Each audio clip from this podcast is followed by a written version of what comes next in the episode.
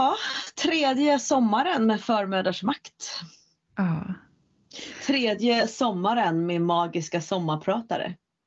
Ja. Då blir det också varannan vecka här som vi släpper avsnitt istället för en gång i månaden. Ja. Det är the treat liksom. Mm. Vi vill ge er någonting. Ja. Och grejen är så här, ju längre vi har den här podcasten desto mer magiska sommarpratare finns det. Alltså det är som att jag tycker bara att vi bara träffar mer och mer spännande människor som man vill ha på podden. Mm. Gud, det är en hel lista verkligen.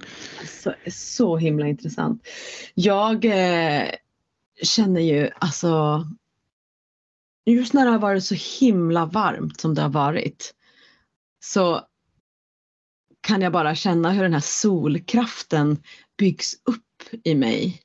Eh, alltså man blir nästan jag blir nästan lite hyper, alltså manisk. Jag går upp i, man behöver sova så lite, man gör så mycket, man går igång på ljuset. Att jag är så här, gud vilken tur att det finns en högtid där vi kan välkomna mörkret. Som en påminnelse om att så här, just det Rebecka, håll, håll, Mm. håll kraften.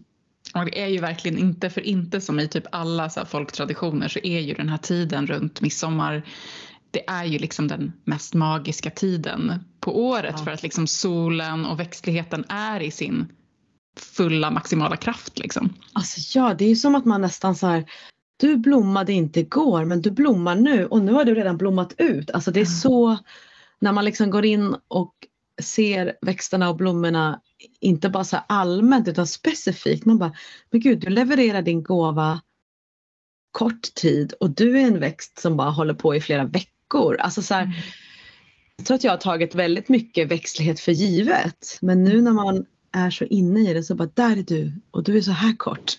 Där är din doft, där är din gåva. Mm.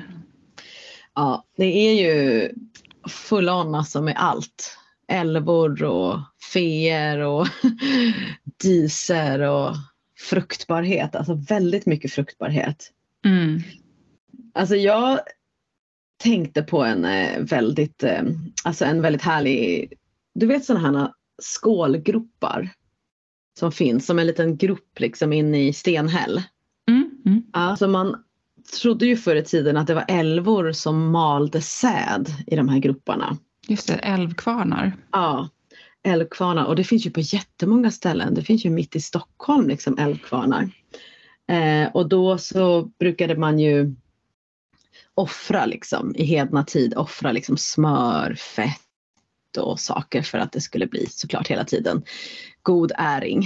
Eh, och eh, ja men alltså små mynt liksom och eh, jag vet att på Gotland så finns det ju sådana här klangstenar också som har så här gruppar Mm. där man har lagt in små gåvor liksom. Jag smörjer sten för att läka kött och ben. En så här enkel ramsa som man sa vid sommarsolståndet. Men det kanske inte, jag vet inte hur många som känner till att det var ju också många som hade samlag, alltså mannens säd eller sperma som gåva i de här älvkvarnarna, skålgroparna eh, för att främja åkerns växtkraft. Och jag eh, satt och kollade lite på två nya folktroböcker och där så såg jag, alltså det var bara så intressant för att det var en viss Otto Hjelm. Han berättade vad hans mamma hade berättat för honom. Att i slutet av 1800-talet så var det en stor skandal för att det var ett ungt par som ville leva tillsammans och de fick inte leva tillsammans. Men de hade då liksom i slutet av 1800-talet, 1800 1880 kanske. Han var själv född 1868 så han visste inte exakt liksom. Men då hade de eh, liksom blivit tagna på bar gärning när de gav sig ut till en älvkvarn och hade samlag på stenhällen. Eh, och då hade de sagt att de gjorde det då för att liksom ja, men blota och offra hans säd för att de skulle kunna få leva tillsammans. Mm. Wow. Ja, Men det är ju så häftigt, alltså, det finns så mycket sådana folk eh, traditioner liksom, som inte är kristna som lever i, alltså, även in i 1900-talet ibland, liksom, långt in. ja, ja. Och man blandade också sperma med utsäde för att det skulle bli Mm. ännu mera liksom till uppväxt på åken och tillväxt i familjen. Alltså jag tänker att det är så fantastiskt liksom. Att det, växt, att det har funnits kvar in på 1900-talet. Mm. Men sen så blir det ju liksom, sen så går det ganska snabbt att folktron dör ut. Mm. Och att det blir bara myter och sägner och skrönor och saker man sa då liksom. Mm. Ja, men det är både så här, inte alls länge sedan men också typ en avgrundsdjup evighet sen. För att, för att det, liksom, det brottet är så djupt liksom, med, med liksom när den moderna tiden bryter Mm. igenom. Liksom. Så att har ni några älv, älvkvarnar eller skålgropar där ni bor? Är de aktiva? Är det folk som lägger gåvor, mynt eller fett? Eller är ni ute och ligger på stenhällen? Please tell us all. Ja, och ett tips om man inte vet, det har jag sagt förut, men det är ju äh, att gå på in på Riksantikvarieämbetets hemsida och deras sökfunktion fornsök. Där kan man ju söka på olika typer av labyrinter, gravplatser, älvkvarnar, liksom där man bor. Det tycker jag är ett bra sommartips. Ett annat bra sommartips om ni gick igång på förra avsnittet om Avalon det är att man kan åka till Glastonbury första, andra juli och ha lite pre, vad heter det, after, postpartum eh, sommar, summer solstice hangout med massa workshops. De har någon sån här summer celebration. Mm. Eh, massa workshophållare och ceremonier och så vidare och så vidare. Mm. Och då inte finns det, ja, det finns ju också på om man, om man nu i hastigt och lustigt åker till Glastonbury så missa inte vårat eh, eh, bonusmaterial på Patreon där vi pratade om tips för att åka till Glastonbury. Nej, just det. Gud, alltså feta tips verkligen. Ja, alltså min stora grej nu, det är ju, och det har ju du kanske, jag vet att du har sett det här för du har kommenterat på min Instagram, men det är ju att jag och Hella, Häxans trädgård, har kämpat för ett minnesmärke för de offren i Stockholms häxprocesser och vi har fått ett ja. Oh Ja. my god! Alltså ni har kämpat så länge för det här.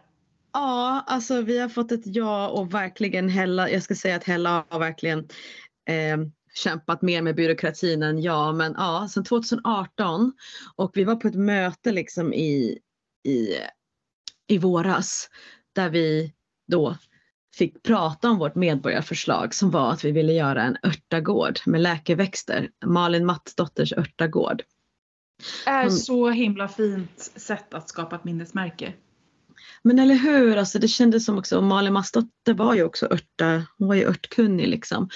Eh, annars var ju, var det ju liksom, ja men jag tror det var två av dem som mördades i Stockholm som var örtkunniga, annars var det ju liksom mest, ja, ja mest och mest, men inte så att man skulle tänka att de var örtkunniga, var det nedtecknat i alla fall. Så det känns som också att när vi satt där och berätta om den här idén så satt ju på ett nämndmöte alla partier sitter och säger sitt, sitt, sitt. Det var två partier som inte kommenterade på det här men alla andra partier tyckte det var jättefantastiskt liksom att, eh, att vi skulle göra den här örtagården för att minnas en så mörk historia. Och sen så läste vi upp alla namnen eh, på de som mördades och det var så starkt på det där nämndmötet att att säga deras namn igen liksom. Du vet nästan 400 år senare. Eh, och vi får se hur det blir men starten blir ju nästa år. Eh, och eh, vi har fått en liten plats på Södermalm där vi kan odla och kanske ska vi crowdfunda så att vi kan få liksom gjuta gjuta trädgården så att det inte bara blir pallkragar. Men de kommer fixa vatten, de kommer fixa liksom blommor och örter och sen är det ju tänkt att det ska vara typ så Malin Mattsdotters trädgårdsförening som är med och odlar. Men vi vill ju också skapa ett minnesröse där så att man kan det kommer bli en liten hedna plats mitt i Stockholm och så nära att man ser Katarina kyrka. Wow, alltså vilken otroligt bra exempel på magisk aktivism. Alltså, Mm. Helt fantastiskt jobbat av er. Oh, jag vet att Leksand också fick ett minnesmärke nu i våras så att jag tror mm. att det mm. kommer flera minnesmärken. Så ni som bor på platser där det inte finns minnesmärken, hör av er till, till mig eller till Hella så kan vi liksom kanske para ihop er med folk för att det är så jäkla fint att de här minnesmärkena kommer. Och ett sätt att liksom komma närmare de här historierna om, om alla de som dödats och förföljts under häxprocesserna är ju faktiskt stadsvandringar. Att liksom vara på platserna där det här har hänt och få till sig liksom kunskapen om det. Och nu har vi en liten eh, present till alla Patreons som handlar om precis just det.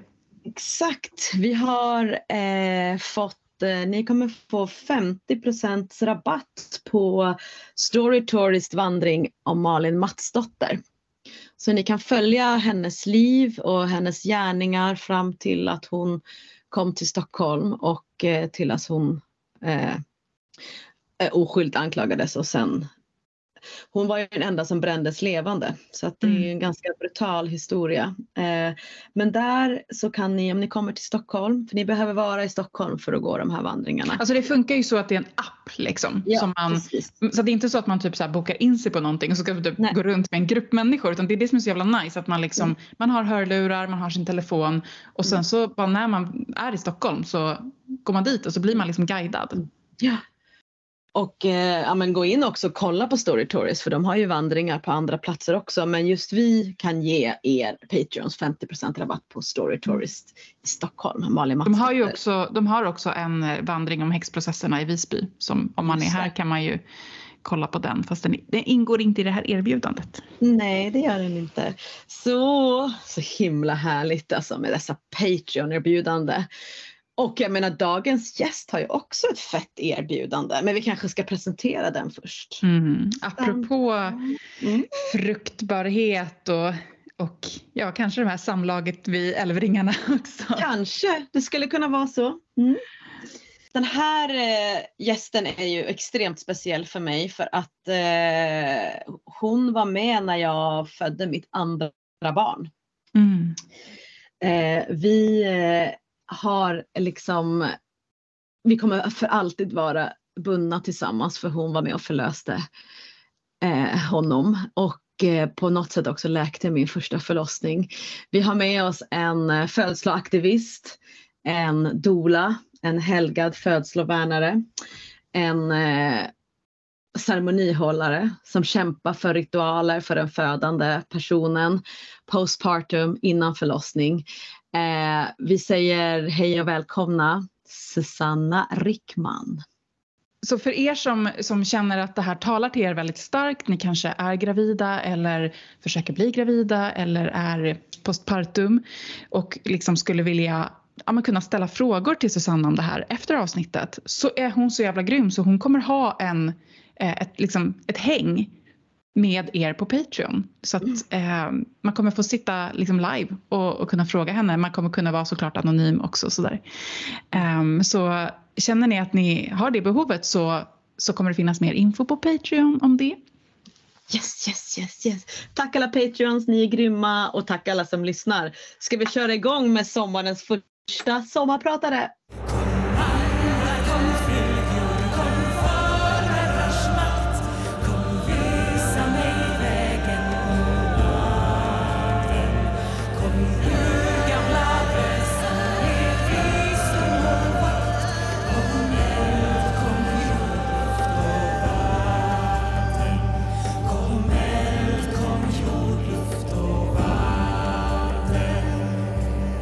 Alltså ibland när vi har liksom så gäster på eh, förmiddagsmax så är det ibland någon som liksom Elin aldrig har träffat eh, och ibland är det någon som jag aldrig har träffat. Och här är det verkligen, du är ju en väldigt speciell gäst för mig eh, som ni kanske förstod i introduktionen. Alltså det här är ju liksom the woman som förlöste mitt andra barn och liksom hjälpte mig att läka min första förlossning. Så det här är ju en, är väldigt personligt stort att du är här Susanna. Ja, tack. Det är ju mm. så speciellt också för att du var ju min allra första kvinna som jag hjälpte som dola. Jag var helt nybakad. Liksom ny, ny. Och jag skrattar ibland när jag tänker på det för att den resan som det känns som att vi båda har gjort sedan dess. Ja. drömma om att så här, Åh, om jag fick möjlighet att dola Rebecka igen. liksom att, ja, men vem man var då och sådär. Men jag tror att det var jättebetydelsefullt för mig att det var du. Verkligen. Jag kommer ihåg att jag var så nervös. Att så här, det där första, vem ska vilja ha en som dola när man inte har någon erfarenhet? Just. Att du var så cool med det. Och jag kommer ihåg att du sa så här också, eh, någonting i stil med att eh, nej men då är ju vi jättespeciella för dig. Eller så här, det här kommer vara jättebetydelsefullt. Eller, du, vet, du lyfte på något sätt och tvistade du att det var liksom något positivt, inte nödvändigtvis något negativt. Och det kändes så himla skönt. Mm. Eh, du pratade med mig om eh, Johnny Steam och sånt där efter och introducerade mig till saker som jag aldrig hade hört talas om. Mm. Då in på nya vägar och sådär. Så, att det känns som att det var meningen. Det känns som att det var så länge sedan men det är ju faktiskt inte så länge sedan. Ja, ja allt är relativt. Men Ja, sex och ett jag halvt. hälsades i alla fall. Ja men det är ju ehm, alltså jag skulle kunna prata personliga minnen hur länge som helst men jag tänker att det kanske inte är så kul för alla lyssnare och kanske inte heller för, för, för dig Elin. Vill du vara med? Ska jag prata mer om min förlossning? Alltså, jag tycker i och för sig det låter asintressant men jag är också jättenyfiken på liksom, dig Susanna, hur, du, hur, hur kom det sig att du hamnade där liksom, i att du bestämde dig för att bli doula? Jag hade en väl, väldigt, väldigt positiv eh, födsel med mitt första barn. Och eh, var nog, först så väcktes intresset liksom under graviditet, eller några månader innan jag blev gravid faktiskt. Jag tycker alltid så spännande vad man, hur, ja, men ett möte med en person eller något man hör eller läser. Det här hur det sår frön och sen så plötsligt så hittar man in på någon ny väg. Så att mm, jag var, eh, vi var ute och reste och vi bodde på en farm i djungeln i Malaysia och där på den här bokhyllan på kvällarna fanns inte så mycket att göra som att läsa och hänga och prata och då stod det en bok på bokhyllan som hette Placenta the forgotten chakra. Och jag tänkte, vad är det som är intresserad av kroppen, anatomi och så där tänkte vad är det? Och så började jag läsa den, är en bok av Robin Lim, så en väldigt spirituell bok om födandet. Och det här var några månader innan jag blev gravid men det hade verkligen betydelse att liksom hitta den där lilla boken. Och Mm. sen hade jag en, en ganska, alltså på många sätt kanske ovanlig, eller att jag under min första graviditet så var vi ute och reste och så jag jobbade inte utan jag spenderade liksom mina dagar eh, snorklade och var i ashram på retreat och eh, volontärarbetare. Men gjorde liksom, hade en väldigt, väldigt eh, fin eh, möjlighet att vara i min graviditet och mycket tid. Eh, att känna in och meditera och läsa och alla de här sakerna som de flesta såklart inte har om man jobbar eh, och som jag vet nu har andra barn och livet är så fullt och sådär att man knappt hinner med. Um, och jag kände ändå väldigt starkt att, att ha de där nio månaderna att det påverkade hur jag kunde gå in i det. Självklart också var vem jag var innan och vad jag hade gjort innan och så. Men jag fick en väldigt, väldigt fin upplevelse. Och ehm, tror att jag kanske lite naivt och lite sådär, alltså jag kan bli lite, känna lite skam nu när jag tänker på det. Men att jag liksom Ja, men klapp på ryggen, typ. Vad bra, jag, var, vad bra jag gjorde. Det här var tack vare mig och min, min insats. Eller liksom att, att alla mina förberedelser och allt det här. Jag har jobbat väldigt mycket med kroppen eh, som dansare tidigare. Och så där. Det är klart att allt det här spelar in. Men eh, vad jag tror att jag förstod sen då ganska snabbt. För att så här, jag ville föda hemma. Jag hade rest runt i nästan två år. Jag hade inga mer pengar. Och när jag förstod, jag kom tillbaka. Jag hade bott utomlands i nästan men, ungefär 12 år. Så jag kom hem till Sverige när jag var gravid. Gick till barnmorskan. Sa jag vill föda hemma. Det så funkar inte här för förstföderskor. Och då får du bekosta det själv och så vidare. Och det hade jag inte råd med. Men då fanns det något som hette Sofiahemmet. Så att jag födde där. och eh, det var väldigt bra och jag hade en otroligt, otroligt bra barnmorska som var liksom 100% rätt för mig och liksom bara respekterade, först läste mitt jättelånga förlossningsbrev och sen respekterade allt liksom som jag ville att jag blev lämnad i fred och inga undersökningar och hon stannade långt efter att hennes pass hade slutat vilket jag liksom aldrig varit med om har hänt och så allting liksom runt omkring gjorde att jag kunde föda så som jag ville. Och eh, jag var inte så insatt i, jag var ganska skyddad liksom i min bubbla. Jag var inte så insatt i hur systemet ser ut i Sverige, hur det funkar för många och hur många kvinnor blir behandlade och sådär. Så att jag kom ut sådär riktigt hög liksom, som jag tänker att det är meningen att kvinnor ska göra när de har fött barn. Så där, väldigt liksom ja, men på nytt född som en bättre version av mig själv och liksom kände mig otroligt stärkt och med massa nya insikter och eh, allt det där. Och så träffade andra kvinnor och insåg att men herregud, det här är inte så vanligt och hörde historier som jag var helt chockad av. Så att jag tror att um, det är någonstans både att det här intresset av födandet, jag tyckte det var det mest spännande liksom, någonsin att jag hade hittat det här hela stora området, att jag ville fortsätta att vara i det liksom, och jobba med det på något sätt när jag förstod att det finns, det finns något som heter doula man kan få vara i det här och jobba med det här. Och sen att jag också förstod att ja, men hur det såg ut helt enkelt, behovet. Så där väcktes väl någon sorts liksom, ja, men någon, eh, någon inre eld och någon liksom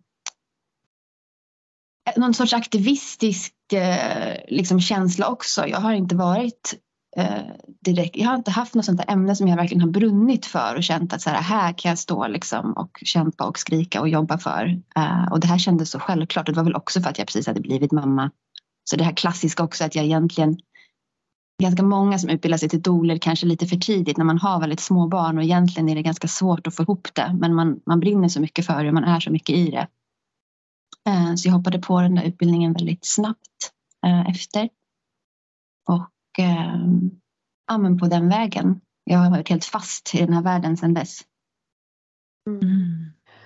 Alltså när du säger så här eh, att du kom ut från liksom din förlossning och hade fått den här upplevelsen som var det som att du tänkte Alltså var det så liksom att du tänkte att så här föder alla barn eh, och sen så fick du liksom eh, lite så här inse när du hörde andra eh, kvinnor och andra som hade fött barn berätta en annan historia eller liksom hur, hur blev du aktivist? Alltså det måste ju varit, du måste ju fått någon mer förståelse än bara din egen upplevelse tänker jag.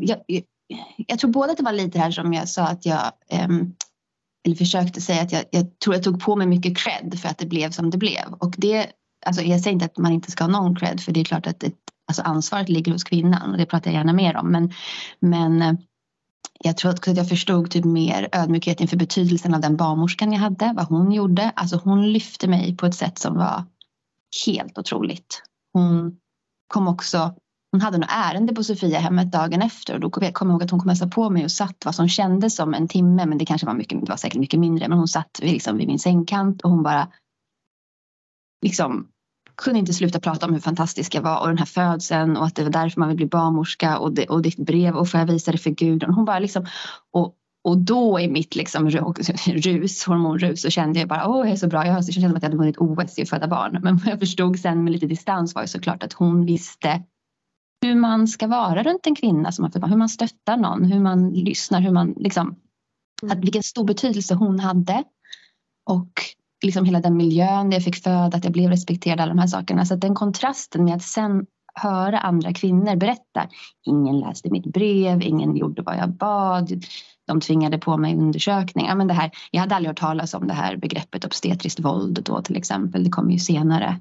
Och när jag förstod liksom, ja, men hur mycket övergrepp som sker ehm, och att det inte alls bara handlade om eh, vad jag hade med mig i mina förberedelser, även om det såklart spelar in, utan också Eh, ja, men man kan kalla det tur kanske. Eller liksom, ja, men att, ja, men hur viktig miljön är och hur um, Ja, sen la ju Sofia, Sofia hemmet lades ju också ned så det blev ju en stor grej att den stängdes och då fann, det var liksom den enda kliniken som fanns som var eh, lite annorlunda. Eller man ska säga BB Södra hade ju redan lagts ner innan. Um, så det vart ju också en stor grej att man då träffade andra som var involverade i att protestera mot det och liksom insåg att det här är ett väldigt stort, eh, ja, men viktigt politiskt ämne i Sverige och så vidare. Susanna, du sa ett ord där som du sa att du inte visste vad det betydde och jag vet inte vad det betyder. Obstetriskt våld, jag tycker att det är lite olyckligt att den här termen obstetriskt är först för att det är lätt att tänka att det är något som bara obstetriker utför, alltså läkare inom förlossningsvården. Ehm, men obstetriskt våld är egentligen allt våld eller alla liksom övergrepp, alla övertramp som kan ske eh, i kontexten av födande mot kvinnor och sånt som man kanske tidigare innan det här begreppet myntades, jag vet faktiskt inte riktigt när det myntades men det är ju inte så många år som man har pratat om det i Sverige. Nu är det verkligen någonting som, som man hör, som det skrivs om och talas om. Eh, men att sånt som man kanske tidigare har tänkt att men det där är bara rutiner så som vi gör som man får underkasta sig. Att man förstår att faktiskt um, precis som ett nej ska gälla i alla andra sammanhang och om man ska ha full liksom, autonomi och kontroll över sin kropp i resten av livet så ska samma gälla i förlossningsrummet. Så att eh, alla undersökningar som görs eller alla rutiner som sker mot din vilja eller där du inte får eh, liksom, information ordentligt. Eller liksom, eh, hur säger man konsent på svenska? Ehm, Eh, Samtycke? Samtycke, in, alltså, sånt där inte har inhämtats. Att det är väldigt mycket liksom, övergrepp som begås. Och um, ja, vill man, vill man, ibland kan man tänka att så här kan det inte vara. Och för några år sedan så startade ett konto uh, på Instagram, nu ska jag se om jag kommer ihåg vad det heter. Um, uh, nu står det still i mitt huvud. Det skulle jag verkligen vilja lägga till sen om ni mm. kan lägga in det. Men där kvinnor mm. får som Tyst jag föder. Tyst jag föder, precis. Mm. Det blir så här ramaskri för kvinnor har fått um, ja, men ge vittnesmål på vad har någon sagt till dig eller gjort liksom under din födsel. Och det är så mycket grova saker att man tror inte att det är sant. Alltså det är verkligen så skrämmande, man blir mörkrädd. Och eh, med ganska starka reaktioner då från de som jobbar inom vården att liksom, man ska inte skrämma upp kvinnor och det är inte så här farligt och så. Men vi behöver också veta och se hur det ser ut. Um, så ja, man kan, vill man veta mer så man kan hitta jättemycket om man googlar sig vidare och liksom de stora, men Världshälsoorganisationen, alla stora liksom, organisationer pratar om obstetriskt våld. Det är verkligen ett begrepp som finns. Mm. Men jag tänker också att det här är så himla intressant för om vi tar, om vi tar min förlossning som du var med på som var eh, Alltså du var ju med, den var ju, den var ju fin, alltså den kunde ha varit hur fin som helst men så, så var det ju som att de efter ungefär sex timmar kom in och de menar nog inget illa men de säger till mig um, att, att de vill ge verkstimulerande dropp för att det tar så himla lång, det tar så väldigt lång tid för en andra gångs föderska. Jag kommer ihåg att jag kollade på dig och bara eh, vadå har det tagit lång tid? Och du var så här, du bara bet ihop och så får ju du inte lägga dig i utan du pratade med min man och så här, så här men påminner Rebecka om att det är både hon och hennes barn som ska födas nu liksom och så här, eh, du behöver liksom, hon behöver inte säga ja direkt och så här, och jag kom helt av mig, jag hade så himla mysigt liksom och då bara tänkte jag så här, okej okay. och så fick jag liksom ladda om igen och sen så eh, och det tyckte jag var så fint att du påminde liksom om att så här, för då var jag så här, nej men vi kan vänta lite. Och sen så lite senare också så hände ju exakt det som jag inte ville skulle hända som jag hade skrivit i mitt förlossningsbrev att det blev exakt som den förra förlossningen att, att jag liksom inte fick jag fick inte följa mina krystverkar. Mm. Och då kommer jag ihåg hur du eh, du sa, jag kommer ihåg att du sa Gud jag blir så känslig när jag pratar om det här men mm. alltså, jag kommer ihåg att, att du sa hon förstår inte vad du menar till barnmorskan. Mm. Och jag förstod inte vad hon menade för de var så himla utelämnad. Och då kollade barnmorskan på dig och sa Jag vill att du, eh, jag vill att du inte ska eh, vad var det hon, hon utvecklade argument, argumenten hon sa Du ska inte hålla emot men du ska inte följa med ännu. Och jag, bara, och jag kommer ihåg att jag bara, men det är en helt annan sak. Jag blev så förbannad. Jag bara, men det är en helt annan sak än att hålla emot. För att... Inte göra något extra men inte stå emot. Exakt. Det går ju inte ändå. Det går ju inte att stå emot. Det, det, går ju liksom inte. Och jag kommer ihåg att jag, att jag låg och tänkte, för att jag såg det på den första förlossningen, att jag måste hålla emot. Och jag bara, men det går inte att hålla emot. Och sen så bara när du sa det och förtydligade. Så istället för att det blev då ett våld mot min kropp så blev det bara ett förtydligande av situationen och vi kunde allihopa jobba tillsammans. Och det blev fint och bra liksom. Men du kommer ihåg, jag tappade kontrollen där, jag höll på att strypa dig. Mm. eh, och då gick det verkligen från att det var lugnt och fint och jag kände att jag liksom ägde min kropp och det här rummet till att jag, jag kommer ihåg att du bara spann och jag bara nej, inte igen liksom. Och jag tänker att precis som i samtycke, om vi pratar sex eller övergrepp, att det är just det där lilla Alltså helt plötsligt så gick det över en gräns och man hänger inte med och att då det, det också det i efterhand brukar jag tänka på att att dolans roll är så viktig eller andra personer i det födande rummet som kan hjälpa till med just sådana här saker så att det inte blir ett jättestort trauma. Mm. De där två grejerna du gjorde liksom. Mm. Eh, annars hade jag ju det hade fortsatt leva i min kropp på ett helt annat sätt. Liksom det här med samtycke och våld. Att från kanske sjukhuspersonal eller så, så kanske det inte är, märks som ett våld. Men för den som föder så är det ju så jävla känsligt liksom.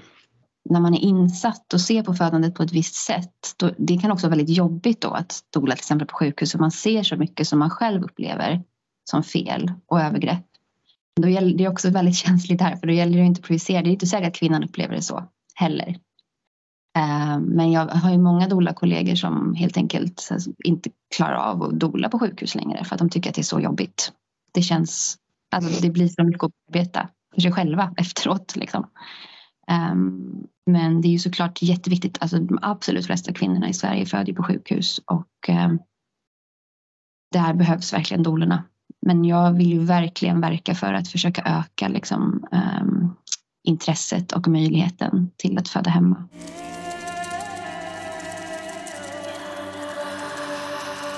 Du nämner ju ordet eh, kvinna. Men det ju, finns ju mm. fler eh, personer mm. som föder barn än kvinnor. Så det måste ju också vara så här om man är en queer person på sjukhus, om man är en transman, om man är... Eh, alltså jag tänker att det, det är redan... De personer som föder barn är redan ganska liksom... Det finns liksom en utsatt position. Är det skillnad på, på det när du jobbar? Jag har faktiskt inte erfarenhet av att dola någon som inte benämner sig själv eller ser på sig själv eller identifierar sig själv som kvinna. Men självklart är jag ju medveten om att, att eh, det finns sådana individer, det är ju inget konstigt med det. Eh, men de som jag känner som har dolat eller varit barnmorskor till eller så, då har det faktiskt varit de som ja, men, uttalat eh, liksom talar om det och har gått så här, eh, RFSLs utbildningar inom det kanske eller liksom och det har varit eh, faktiskt inte på sjukhus utan då valt att göra det hemma just för att så här, ännu mer skydda upplevelsen kanske och hur man blir behandlad. Um, så det här det är ett jättespännande område. Jag skulle älska att lära mig mer men jag är inte rätt person att prata om det känner jag. Mm. Uh, men det finns vissa finns det doler som jobbar just med den målgruppen. Tänk om det är någon som lyssnar nu och ska föda. Ja, det gör det. Mm. Och barn också alla ska känna till och det är någonting vi pratar om också på den. Alltså idag håller jag en doula-utbildning um, som är väldigt annorlunda från den jag gick själv och då tar vi upp de här sakerna och så där också. Men det var ju ingenting som någonsin nämndes annars när jag utbildade mig till doula. Mm. Men det är intressant som du säger just det här att, eh, att föda hemma liksom och att ja, men, om man då till exempel av olika anledningar, jag tänker att det är ju samma sak med icke-vita personer vet vi ju blir behandlade annorlunda i vården liksom och i förlossningsvården och så där, att det kanske blir ännu viktigare att ha möjlighet att föda hemma om man är en särskilt utsatt, en grupp som är särskilt utsatt liksom.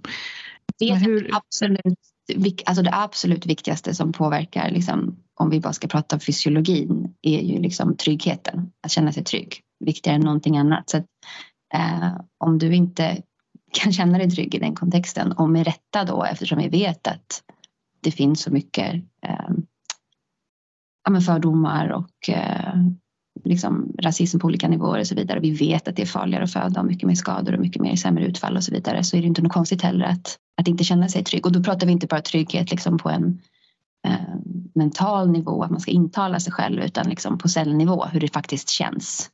Mm. Eh, det som är viktigt. Kan inte du ge oss som en liten brief, inte sådär, jag förstår att det är jättesvårt, men en liten historia, alltså så här, var kommer ordet dola ifrån? Vad finns det för arv? Hur hör det ihop med, med barnmorskan, eh, inte barnmorskan och så vidare?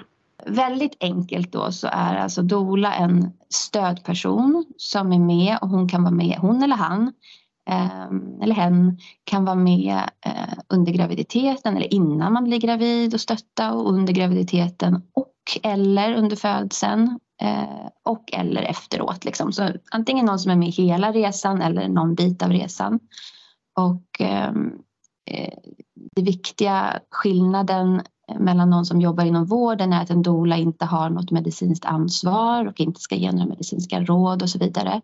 Utan hon är mer där som, ett, ja, men, som stöttar den emotionella biten. Eh, komma med, men ändå kunna svara på frågor och komma med information, vara ett bollplank. Och, eh, det finns liksom inga, du kan läsa om så här, vad är en dola och Dolaförbundet har sin definition och ODIS, en organisation för dola har sin och sådär. Men jag känner väldigt starkt att man som dola Eh, måste verkligen hitta sin egen definition och sin egen roll och vad man ser sin roll att vara och att jag eh, det finns vissa tendenser liksom, inom dolandet som växer i Sverige att börja vilja liksom, självreglera eller gå in och styra lite mer vad vi ska och inte ska göra. Men jag känner att det är jätteviktigt att doler inte är reglerat, att vi verkligen står utanför systemet för det behövs och man har också sett på det här som kallas för doleffekten. de har forskat och sett att det är väldigt mycket fördelar liksom med Eh, mycket bättre utfall på många olika sätt när man har en dola med sig och att det faktiskt är viktigt att det är någon som är eh, utanför vården som kvinnan helt har valt själv och känner förtroende för. Och att um, ja, men det finns inget rätt och fel sätt utan man får hitta vad behöver den här kvinnan och kan jag vara den personen för henne. Så att, um, jag, jag, ser tendenser just för att mm, så som förlossning, så som mödravården ser ut och så som förlossningsvården ser ut i Sverige nu att det finns, ja, men, kan lyfta två saker. Det ena är att det finns ingen tid eller liksom väldigt lite eh, information kring rättigheter, kring rutiner, kring vad som händer när du kommer in till vad du kan tacka nej till och vad det finns för alternativ och så vidare. Så har mycket av dolans liksom, uppmärksamhet och fokus blivit att informera föräldrarna liksom, om vad som kan hända och, och sådär. Eh, och det kan jag personligen Först är det så konstigt att inte man får med sig det i mödravården men sen kan jag också tycka att det är lite synd för att um, uh, det här är ju också information som man ganska lätt kan få i skriftlig form och liksom jag brukar hänvisa nu till bra hemsidor eller poddar så att de verkligen går igenom det.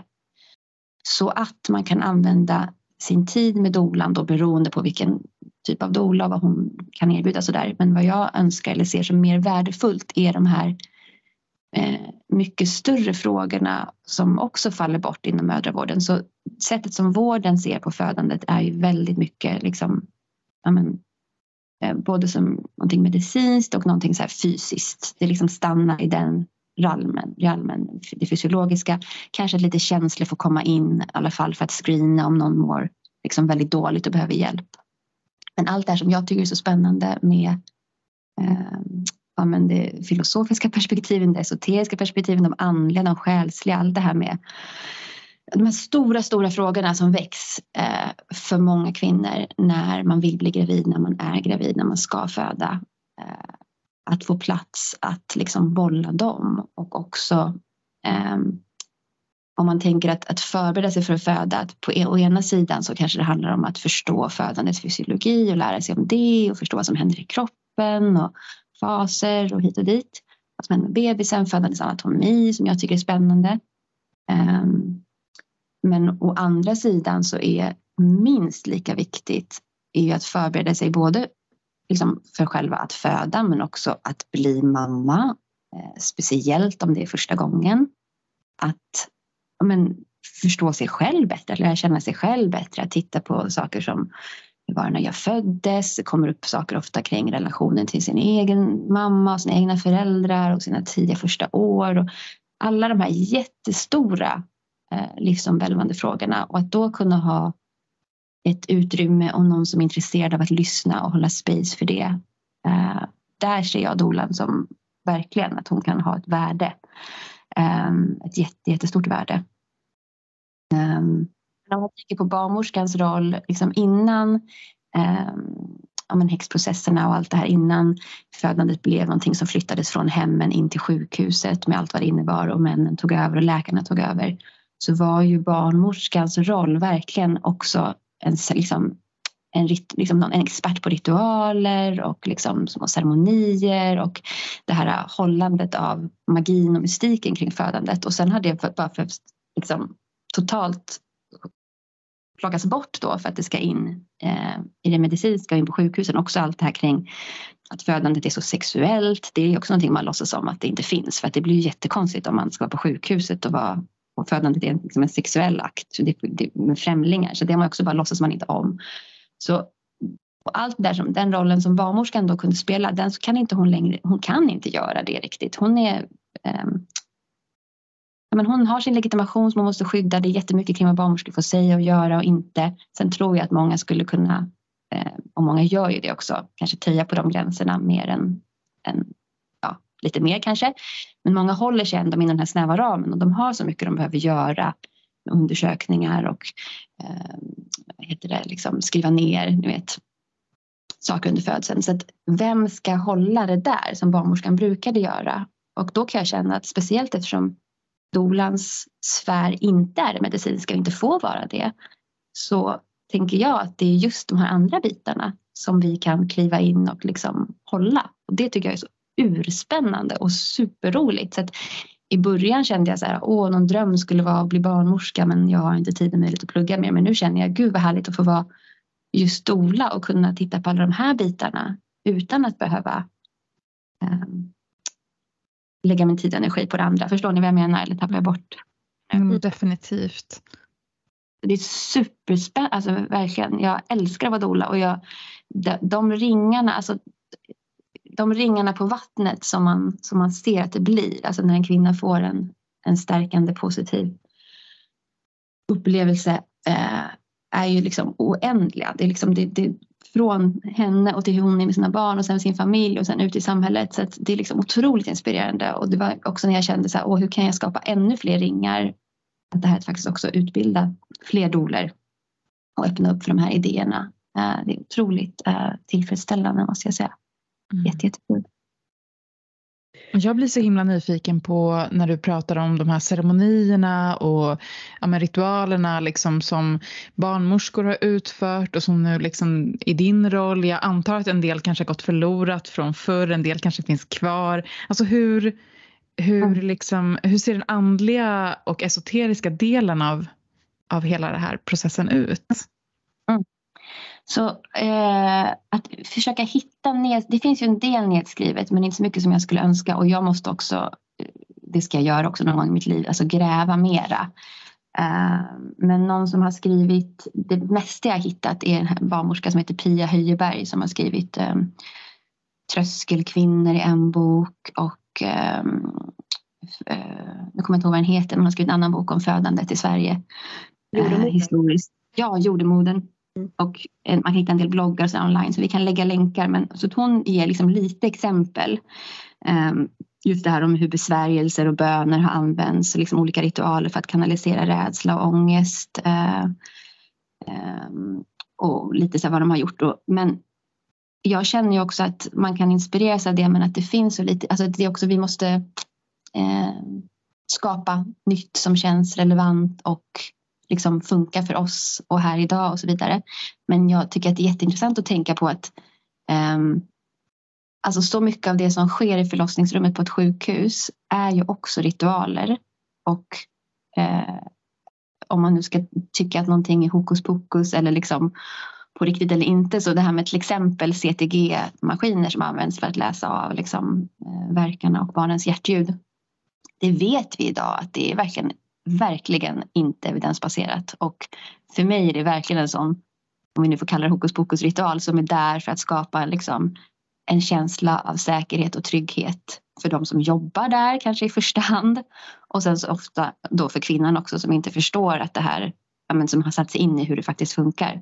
Så att för mig är det inte mera vetenskapligt än om du liksom använder inkallning och bön och besvärjelser och kraftföremål och eh, musik och sång och trumma och liksom, det, det, för att skapa de här känslorna. Så det beror också på vad som tilltalar kvinnan och vad hon behöver.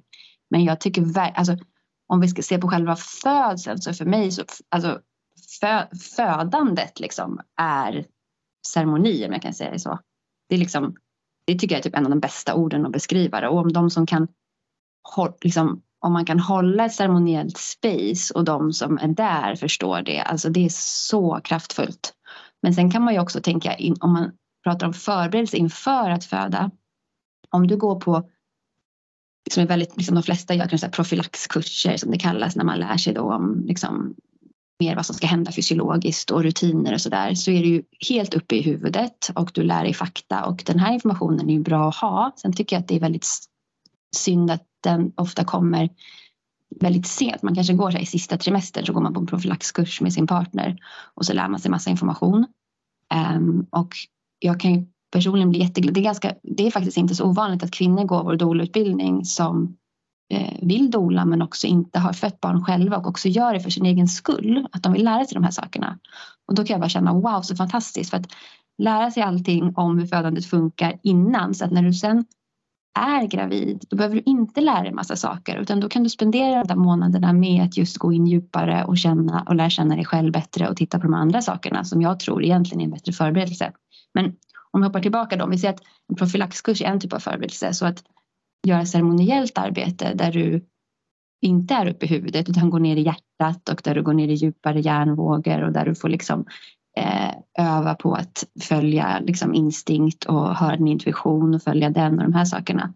Bara kroppen är för mig mycket mer liksom obvious eller um, kan inte säga att det, det, båda kanske behövs men det här är liksom ett sätt att förbereda sig som är mycket mer ovanligt och inte erbjuds lika ofta och som är minst, ja, jag personligen tycker ännu mer viktigt men i alla fall minst lika viktigt.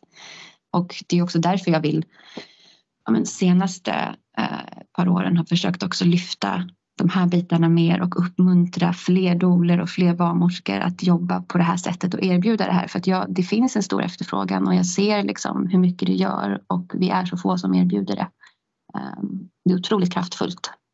Så um, ceremonier liksom under graviditeten och sen så jätteviktigt efter um, för att integrera upplevelsen. Så om, om vi tänker, jag pratar och det här är inte mina idéer, det finns ju jättemånga som har skrivit om det här och jobbat på det här sättet. Eh, att man pratar om att födandet, liksom hela graviditeten, födandet och tiden efter eh, är en liksom, initieringsrit, en övergångsrit in i liksom, moderskapet och in i en ny version av sig själv.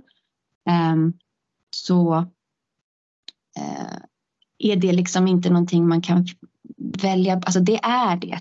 Så att oavsett hur du föder, om du föder liksom i trauma och inte blir respekterad och så, här, så är det ändå, det är så du blir initierad in i ditt moderskap. Förstår ni vad jag menar? Mm. Alltså alla blir initierade. Eh, men om, om vi förstår det, då kan vi säga vad vill vi att personen då ska bli initierad i och på vilket sätt? Och hur kan vi göra det på ett sätt som är liksom, eh, betydelsefullt och värdefullt? På samma sätt som att så här, vi vet att vår mamma som bär oss, hur hon mår och vad som händer i hennes liv när vi är i livmodern påverkar oss resten av livet. Det är ett helt område, perinatal psykologi, jätteintressant. Hur vi föds påverkar oss resten av livet. De första åren i livet påverkar oss. Och, och sen de flesta vuxna människor måste sen dela med att förstå och titta på och reda ut liksom sår som händer där i början. Istället för att ta hand om början på bästa, bästa sätt och ge bästa förutsättningar för att inte behöva ha så mycket att dela med senare. Förstår ni vad jag menar? Mm. Vi, det är inget liksom, på, vi vet, det finns hur mycket som helst information och liksom eh, om hur viktig den här första tiden är. Och då såklart inte bara för de här individerna utan eftersom det formar vilka vi blir och sen är vi en del av kulturen och samhället så påverkar det hela samhället. Så jag är också, vi som jobbar inom det området är också ofta så fascinerade över att det anses så ja, men liksom fringe eller lite så här, det där är intressant för dem som är där i sitt liv just nu. Eller de som så här, vill bli mamma eller föda. Fast vi har alla fötts och det kommer påverka oss alla. Det kommer påverka hela samhället för det här är ju de människorna som kommer upp och blir nästa generation och blir samhället och blir, alltså, förstår ni vad jag menar? Mm. Det angår absolut alla och vi borde alla vara intresserade av det här. På engelska finns det ett uttryck som heter birth as a right of passage och ja. i alla slags initieringar är vi så långt ifrån. Alltså när vi ska göra val överhuvudtaget men det är någonting med eh, eh, graviditeten, förlossning, postpartum där det är sådär nästan lite morfat till det mest extrema. Det här liksom att ja, eh, du har fött ditt barn, sen kommer lite folk lite då och då.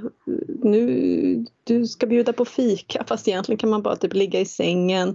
Eller liksom så här, eh, så här föder du ditt barn och det är som du säger väldigt fys eh, fysiskt eller liksom så här utifrån eh, hjärnans sätt att se på det och du liksom kommer till eh, ett ställe där du kanske aldrig har varit och inte är trygg och ska göra på ett sätt som andra säger.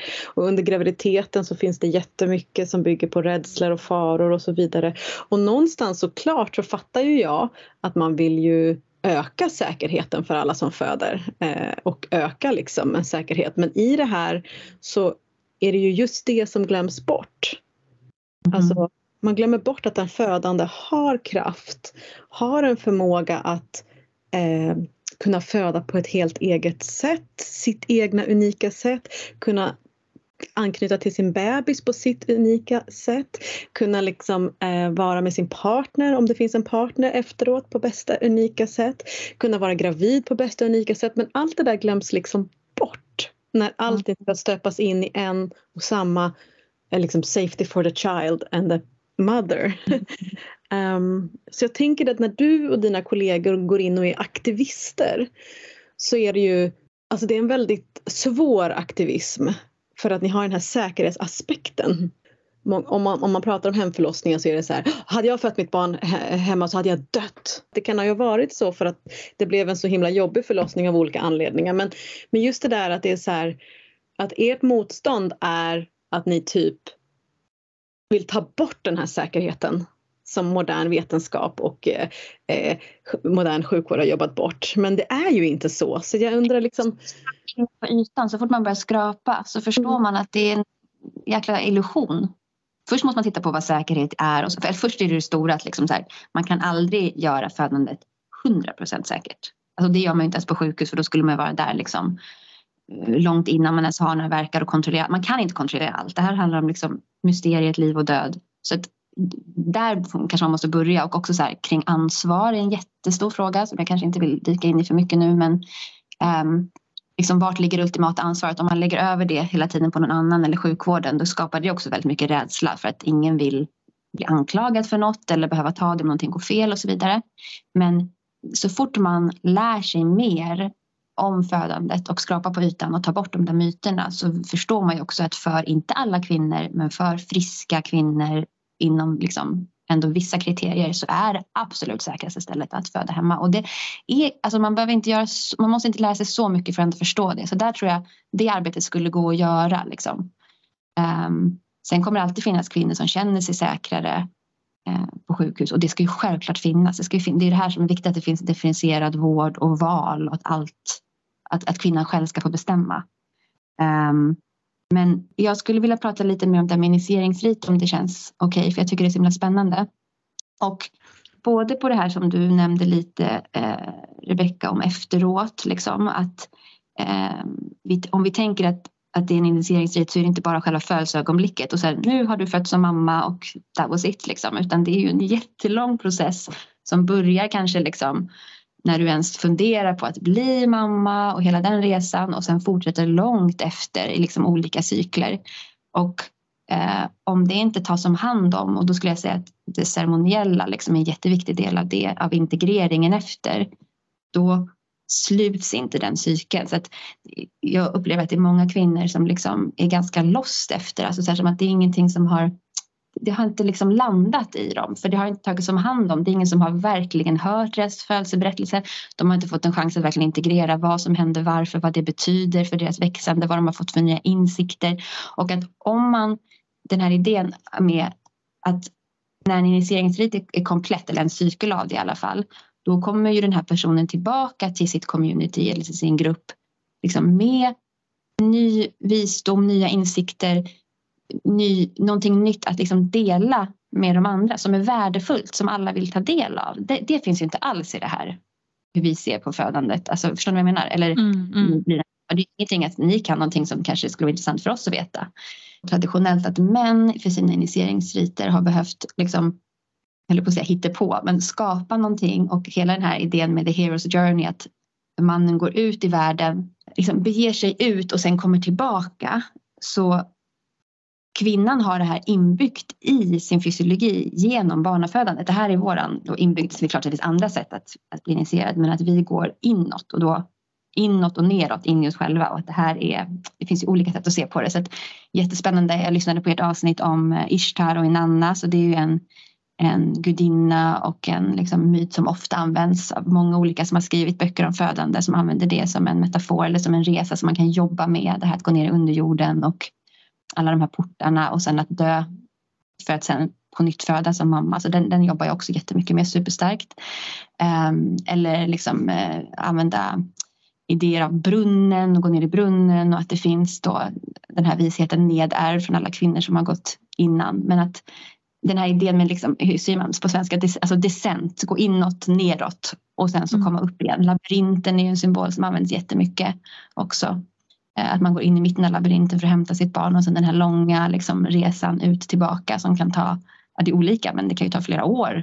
Eller det kanske är liksom resten av livet eller eh, olika. För vissa går det mycket fortare. Men det tänker jag också beror på både vad som hände under födseln men också vilket stöd och hur man är hållen på vägen ut. Jag tänker på ehm, just så här eh, Right of Passage initiationsrit så brukar man prata om att den har så tre steg.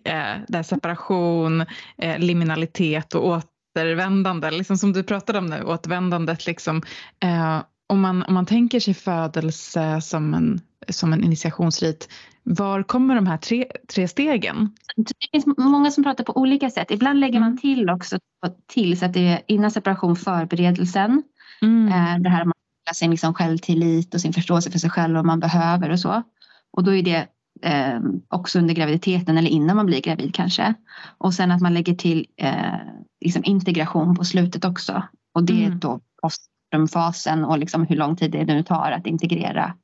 Eh, men jag tänker att varje, alltså alla födslar oavsett hur de blev har liksom guldkorn, alltså verkligen djupa, djupa lärdomar om sig själv och om livet och om hur, alltså djup på många olika nivåer. Och att kanske de födslarna som, eller i alla fall i min upplevelse av att jobba med kvinnor är ju att de kanske svårare upplevelserna eh, ofta har mer att hämta från. Men att det också behöver mer tid, liksom, att man inte kan pusha eller göra det för fort. Men att de kvinnor jag har mött som har växt kanske allra mest genom sina upplevelser är ju inte de som haft de lätta födslarna nödvändigtvis. Förstår ni vad jag menar med det? Mm, mm. Eh, men annars, det finns både de, eh, Rachel Reed skrev en bok som kom ut ganska nyligen som heter eh, Reclaiming Childbirth as a Rite of Passage. Och hon, ehm, hon delar upp de här riterna liksom i ehm, själva födseln, så separationen är latensfasen och sen så är liksom liminaliteten eller tröskeln är själva den aktiva fasen och sen så är framfödandet och nästa bit. Men mm. man kan ju också dela in det i mycket längre tidsramar. Och jag tänker att separationen istället för att vara liksom latensfasen kan ju också vara det här vikten av att dra sig undan eller dra sig inåt och ha den tiden under graviditeten också. Att liksom separera sig. Det ju, I min värld är det helt knas att kvinnor liksom förväntas arbeta upp till slutet i stort sett. Liksom vara där ute i världen, fungera som vanligt. Och sen kanske man är ledig någon vecka eller några dagar innan liksom beräknat förlossningsdatum. Och sen tycker jag också det är jättespännande att tänka när, när börjar en födsel? Börjar en födsel när man har verkar?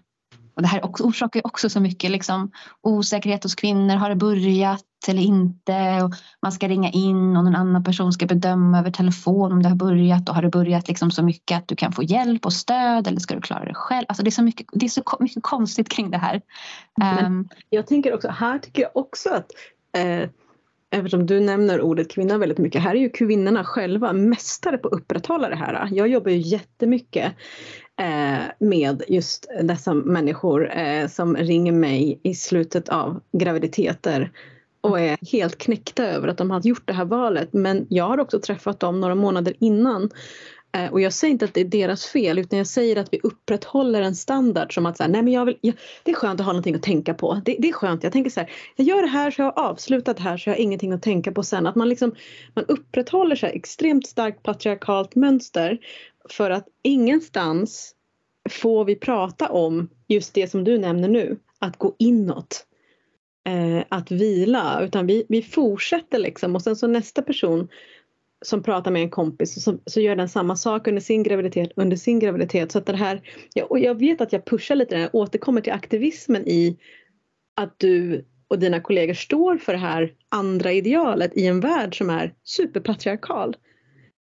Um, så jag tänker så här, hur når vi ut? uh, och, och, och börja liksom okeja att så här, gå inåt. Um, jag tänker att det ena är så här, att prata om vad att våga prata om vad födandet kan vara, att det kan vara liksom den största transformerande, liksom, att det är en process som är störst, liksom, har sån potential för självutveckling och liksom växande och transformation för dig personligen som du kanske någonsin kommer uppleva. Om man pratar om det på det sättet då kanske också fler kvinnor vill säga ah, vad kan jag suga, liksom, suga ut, vad kan jag få ut av det här istället för att tänka att man bara ska göra med så lite jobbigt och skada som möjligt eh, och sen så komma ut och så vara tillbaka till sig själv där man var innan. Liksom.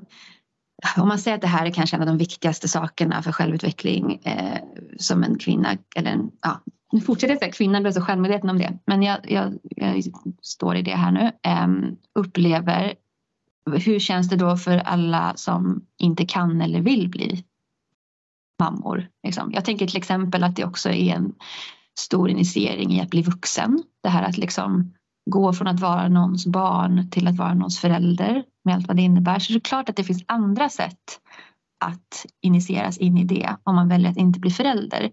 Men det som för mig är så starkt med att bli förälder är att det är, det är så otroligt mycket eh, som kommer upp för läkning och som kommer upp och triggar en och som är så otroligt svårt med att vara förälder och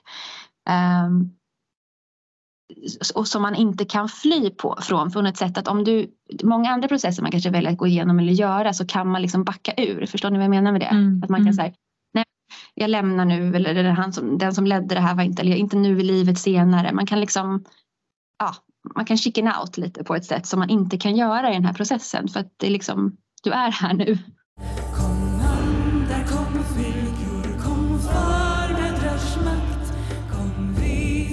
Många kollegor och vänner till mig har liksom kämpat sig blodiga genom året att försöka liksom ändra systemet. Att få de som styr systemet att förstå och försöka ändra det. Och alltså det jag vill inte säga att det är omöjligt men det känns faktiskt som det ibland. Och att det liksom blir ingen större förändring, demonstrationer och namninsamlingar. Och liksom så, så att, eh, jag och flera med mig har också landat i att vi istället både liksom ja, men försöka så gott vi kan liksom att walk the talk eller att, liksom göra, att vara ett exempel, att göra det själv som man tror på och liksom känner är viktigt. Och sen jobba med individuella kvinnor, att stärka dem liksom underifrån. Att säga att vi, vi tänker inte föda det här systemet eller på det här sättet och vi gör på andra sätt. Och att sen också våga prata om det öppet och inte skämmas för det och inte att säga jag är bättre än dig eller jag hade en mer spirituell upplevelse än dig eller jag hade liksom inte på det sättet men bara våga stå i. För det finns ju också kvinnor som typ knappt vågar prata om sina positiva upplevelser ifall någon ska känna sig förnärmad av det som mm. har fött barn traumatiskt sätt. Att vi också måste våga liksom lyfta allt som är eh, fascinerande och intressant och positivt och stärkande och häftigt och så i det här. Um, sen tänker jag på något annat som bara kom till mig när Rebecka eh, pratade om kvinnor som kontaktar henne. Det här med instinkt och intuition. Alltså jag, jag, I min värld, jag tänker mig att vi alla liksom föds med väldigt starka instinkter. Och att eh, intuition snarare är någonting som liksom vi ehm, eh, eh, vet jag inte ordet, men liksom inte förädlar fram, men liksom tränar oss på, bygger upp genom att så när vi följer våra instinkter och liksom får bekräftelse att ja, det blev bra eller det var det jag behövde eller så här, det var rätt beslut eller så där så stärks vår intuition och liksom tillit till våra instinkter. Jag säger inte att det här är, det här är bara så som jag tänker på det. Mm. Och att vi hela tiden under hela livet um, kanske kvinnor och män, men jag tänker väldigt mycket kvinnor liksom uppmuntras att trycka ner, inte lyssna på våra kroppsliga instinkter och intuitioner och ofta gå helt emot dem. Eller hur? Mm, mm. Uh, vi liksom tränar oss i det. Mm. Och sen blir det ofta en väldig clash. Liksom, vi lyssnar inte på kroppen, vi följer inte vad kroppen behöver, vi tar inte hand om oss. Det är många som också menar att den första liksom, delen i hela den här initieringsriten som avslutas i att bli förälder är ju när vi får vår första mens och om hur vi tar hand om det och blir initierade i det och sen varje mens är som en liten mini postpartum och vi förbereder oss inför hur vi ska ta oss hand om oss och vår relation till våra kroppar och Ehm, allt det här. Ehm, och om vi istället hela tiden trycker undan och sen så plötsligt så är du och du lever upp i huvudet och liksom i, i betahjärnvågor hela tiden och du har ingen liksom kroppslig praktik eller andlig praktik eller ceremoniell praktik och sen så är du gravid och sen plötsligt så uppmuntras du att så här, ja, men din kropp vet och du ska lyssna på kroppen och i födandet det är så naturligt och det är bara att gå in och kroppen vet hur man föder och lyssna på den och följ den. Men hur lätt är det och hur rimligt och realistiskt är det? Mm. Att kunna göra det helt plötsligt. Liksom, om, du inte, om du är en person som alltid sitter på en stol och går omkring och aldrig liksom är nere på alla fyra och krälar på marken och ligger på marken och rör ditt bäckene och ljudar och liksom är det troligt att du kommer plötsligt göra det för att du har verkar och ska föda fram ditt barn? Mm. Eller kommer du behöva någon som verkligen guidar dig och kommer det kännas liksom instinktivt rätt och kommer du ha tillit? Alltså, det är otroligt mer komplext på det sättet att det hänger så ihop med hur vi fostras och, hur vi lever och hur samhället ser på kroppen och vad vi har med oss för arv. Alltså om man, det här är ett avsnitt i sig men liksom hur ser förlossningsvårdhistorien ut historiskt? Liksom hur födde kvinnor på 40-50-talet liksom neddrogade, fastbundna så att de liksom neddrogade så att de skulle glömma allting. Alltså jag tänker också hur mycket som ändå har hänt. Jag tyckte det var så intressant, jag läste häromdagen att eh, Queen Elizabeth av England, alltså hon födde ändå två av sina barn på det där sättet när man, nu kommer jag inte ihåg vad medicinen heter, men man sätts i en dimma där man inte kommer ihåg någonting. Mm. Men man trashar omkring så mycket så man blir fastspänd, liksom. benen man blir fastspänd vid, i sängen. Um, och det är tydligen otroligt våldsamt för de som är runt omkring och ser men kvinnan kommer inte ihåg någonting. Och liksom, hon födde ändå två av sina barn på det sättet och sen hennes barnbarn som då ändå har fötts med liksom metoder som hypnobirth eller fötts hemma eller sådär. Det är faktiskt en fantastisk resa som har hänt. Liksom, om man nu ska lyfta något positivt. Mm. Eh, men om vi tänker sig hur kvinnor, den förnedrande behandlingen som man har blivit utsatt för i generationerna innan oss, att det här också är nedärvt. Så att mycket, det är också så komplext när vi tänker på så här rädslor och synen på att föda barn. Var kommer det ifrån? Så här, ja, det kommer från historier som vi har nu och det kommer från att vi läser om så här, den här ständiga krisen i förlossningsvården och stressen och allting. Men det kommer ju också från mycket tidigare. Mm. Liksom, nedärvda saker vi har med oss.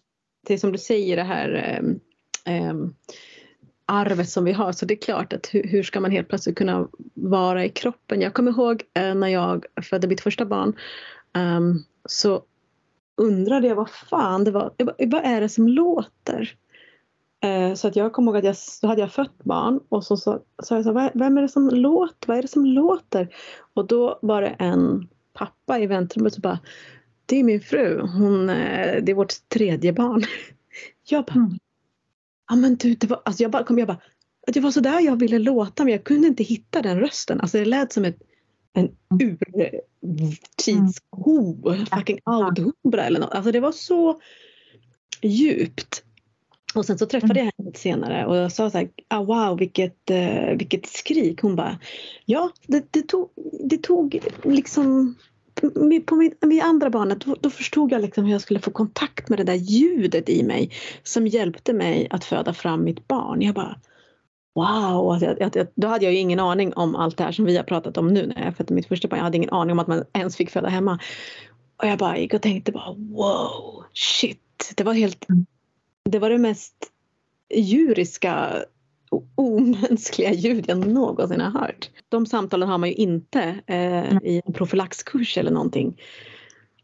Och både de ljuden som ofta kommer men också ljud som kan vara väldigt sexuella. Det, är, det finns någon Youtube-klipp med någon som har spelat in liksom ljud från några som har sex och sen ljud från kvinnor som föder barn och så ska publiken gissa vad som är vad.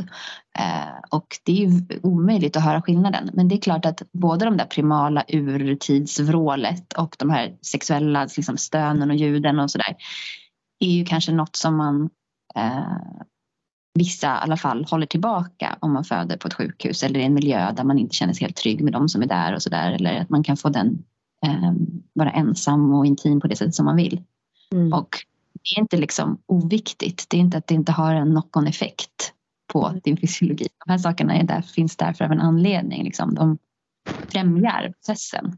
Men jag tänker också så här på ordet dola eh, och och så liksom barnmorska. Att liksom barnmorskan, den titeln är ju liksom, den har man ju liksom satt på 1700-talet.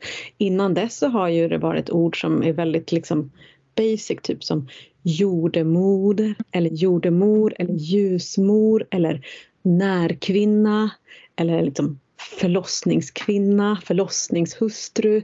Um, Eh, alltså att det har varit väldigt mycket ord som inte har varit kopplat till en, en yrkesbeskrivning utan snarare funktionen. Att, att i det här födande rummet så behövs det någon som verkligen håller den här ceremoniella spacen. Eh, den här prästinnan eller jordemodern, mm. vad man nu ska kalla det, för att hela den här spektrumet av födande ska kunna ta plats. Um, så att jag tänker att dolans roll är ju uh, det är ju verkligen den är så extremt, jag tycker att den är helt uh, divine. och jag tycker det är så hemskt Men jag kan bara, borttagen. In, alltså kan bara riktigt gå in i den där rollen eh, tyvärr vid hemfödslar. Alltså jag har lyckats vid några sjukhusfödslar men tyvärr vad som händer på sjukhusfödslar är att dolans roll blir mycket mer av en liksom, advokat, förespråkare, någon som ska skydda liksom, henne mot olika övergrepp eller rutiner och se till att hennes brev följs. Liksom. Um, och då menar jag att hennes roll är ofta det för att det är det som kvinnan som anlitar henne eller paret, familjen vill ha. Liksom. Att de känner sig inte helt trygga så jag vill ha någon som liksom skyddar mig och ser till att um, ja, jag blir hörd och så vidare. Man liksom blir hennes eh, röstförstärkare. Um, och då finns det inte riktigt utrymme för det här andra sättet att hålla space oftast. Tyvärr. Uh, och det är så otroligt mycket som stör om vi ska, jag tycker det är jättespännande med eh, det här med hjärnvågor och vad som ska ske om vi eh, en, först och främst en kvinna som är gravid är redan liksom har gått ner från beta ner i alfa, alltså lite långsammare hjärnvågor, lite mer dagdrömmande, lite mer vara i hjärtat än i huvudet. Um, och det här har jag ofta problem med eftersom jag försöker hålla utbildningar och göra mycket så strukturerade saker när jag är gravid och det passar egentligen inte mig. Ehm, det här logiska tänkandet. Men att vara i den här lite drömmigare världen och sen så gå ännu djupare ner då i teta och kanske till och med delta under födseln. Och att det är där födandet ska ske och att om vi hela tiden stör henne och det är, det är så många störningsmoment på sjukhuset för det är folk som kommer in och ut och ska ställa frågor och presentera sig. Nu ska vi bara checka det här. Och så här. Man hela tiden drar upp henne. Då, då är det flera saker som händer men både att liksom födandet kanske då saktas ner, att processen, den fysiologiska processen saktas ner men också att de här djupare Eh, de här gåvorna, de här insikterna, de här aha-upplevelserna, den här större förståelsen eller um, det här som man, gåvorna som man ska få genom födandet inte kommer till en för att man hela tiden dras upp i huvudet och här och nu och vara någon sorts medvetande tillstånd som de andra runt omkring i en är och möta dem där. Istället för att alla runt omkring går in djupare och ner och möter kvinnan där hon är eller åtminstone beskyddar så att hon kan vara kvar där. Um, och för mig är det en, en jättestor skillnad på sjukhusmiljö eller, eller hemmiljö. Och sen ska man inte eh, glorifiera eller liksom, det är inte så att alla hemfödslar alltid blir precis som man önskar eller liksom eh, att det händer de här jättestora transformerande sakerna. Eller så det, det, är inte så enkelt men det är i alla fall eh, en kontext som är mycket mer gynnsam och chansen är mycket större att det kan bli så. Mm. Alltså gud, nu när du beskriver de här att gå ner i så här theta och deltavågor och liksom att vara i det liksom eh, liminala spacet. Jag har ju aldrig fött barn. Eh, jag blir liksom typ sugen på att göra det. Det låter, det låter så, alltså, man, det är som du säger liksom att de historier man hör är ju mest oftast bara så här, du kommer bli fråntagen din kontroll, det är, alltså, det är så skrämmande historier och att det, det är häftigt liksom att, eh, när, att höra den här beskrivningen liksom av det både andliga och fysiska liksom, verkligen förändrade medvetandetillståndet. Liksom. Att det blir lockande för mig när du beskriver det så. Det är så häftigt. Det är därför som jag är så otroligt också tacksam att jag ska få föda igen. Det är, för det är så det är häftigaste som finns. Och det finns mycket coolt skrivet om också så här, likheten mellan olika liksom, upplevelser av psykedeliska droger och födandet när det får vara ostört. Att liksom hormoner, hormoner sätts igång i kroppen som liknar. Eh, som det finns jätteintressant att läsa om. Och eh, jag tänker att när man, desto mer man förstår om de här bitarna då förstår man också att alltså vad det är man blir berövad. Mm. Om man ska då med olika sätt på drog, med drogers hjälp eller liksom pusha på, få verkar att ske, bedöva och sådär. Man berövas den här liksom, upplevelsen som man kan få. Och jag blir tokig när det liksom på så väldigt eh, Eh, lite förnedrande, nedlåtande sätt kan vara sådär, oh, gud nu, vill, nu för tiden vill kvinnor också ha en upplevelse. Du vet, det räcker inte bara att det är säkert och barnet ska vara säkert och mamman ska vara säkert, alla ska överleva, utan hon ska också ha en upplevelse. Som att det är något fel, för jag tänker att det är det det är, det är det det ska vara. Det är den här fantastiska gåvan som vi som kan och vill och har möjlighet att föda barn får. Och liksom, varför skulle vi inte vilja ta emot den? Varför skulle vi, varför skulle vi inte vilja uppleva det? Varför ska det vara liksom någonting som är mm, ja, men, som ses ner på som lite löjligt eller förmätet. Eller, förstår ni? Jag blir fruktansvärt mm. provocerad av det.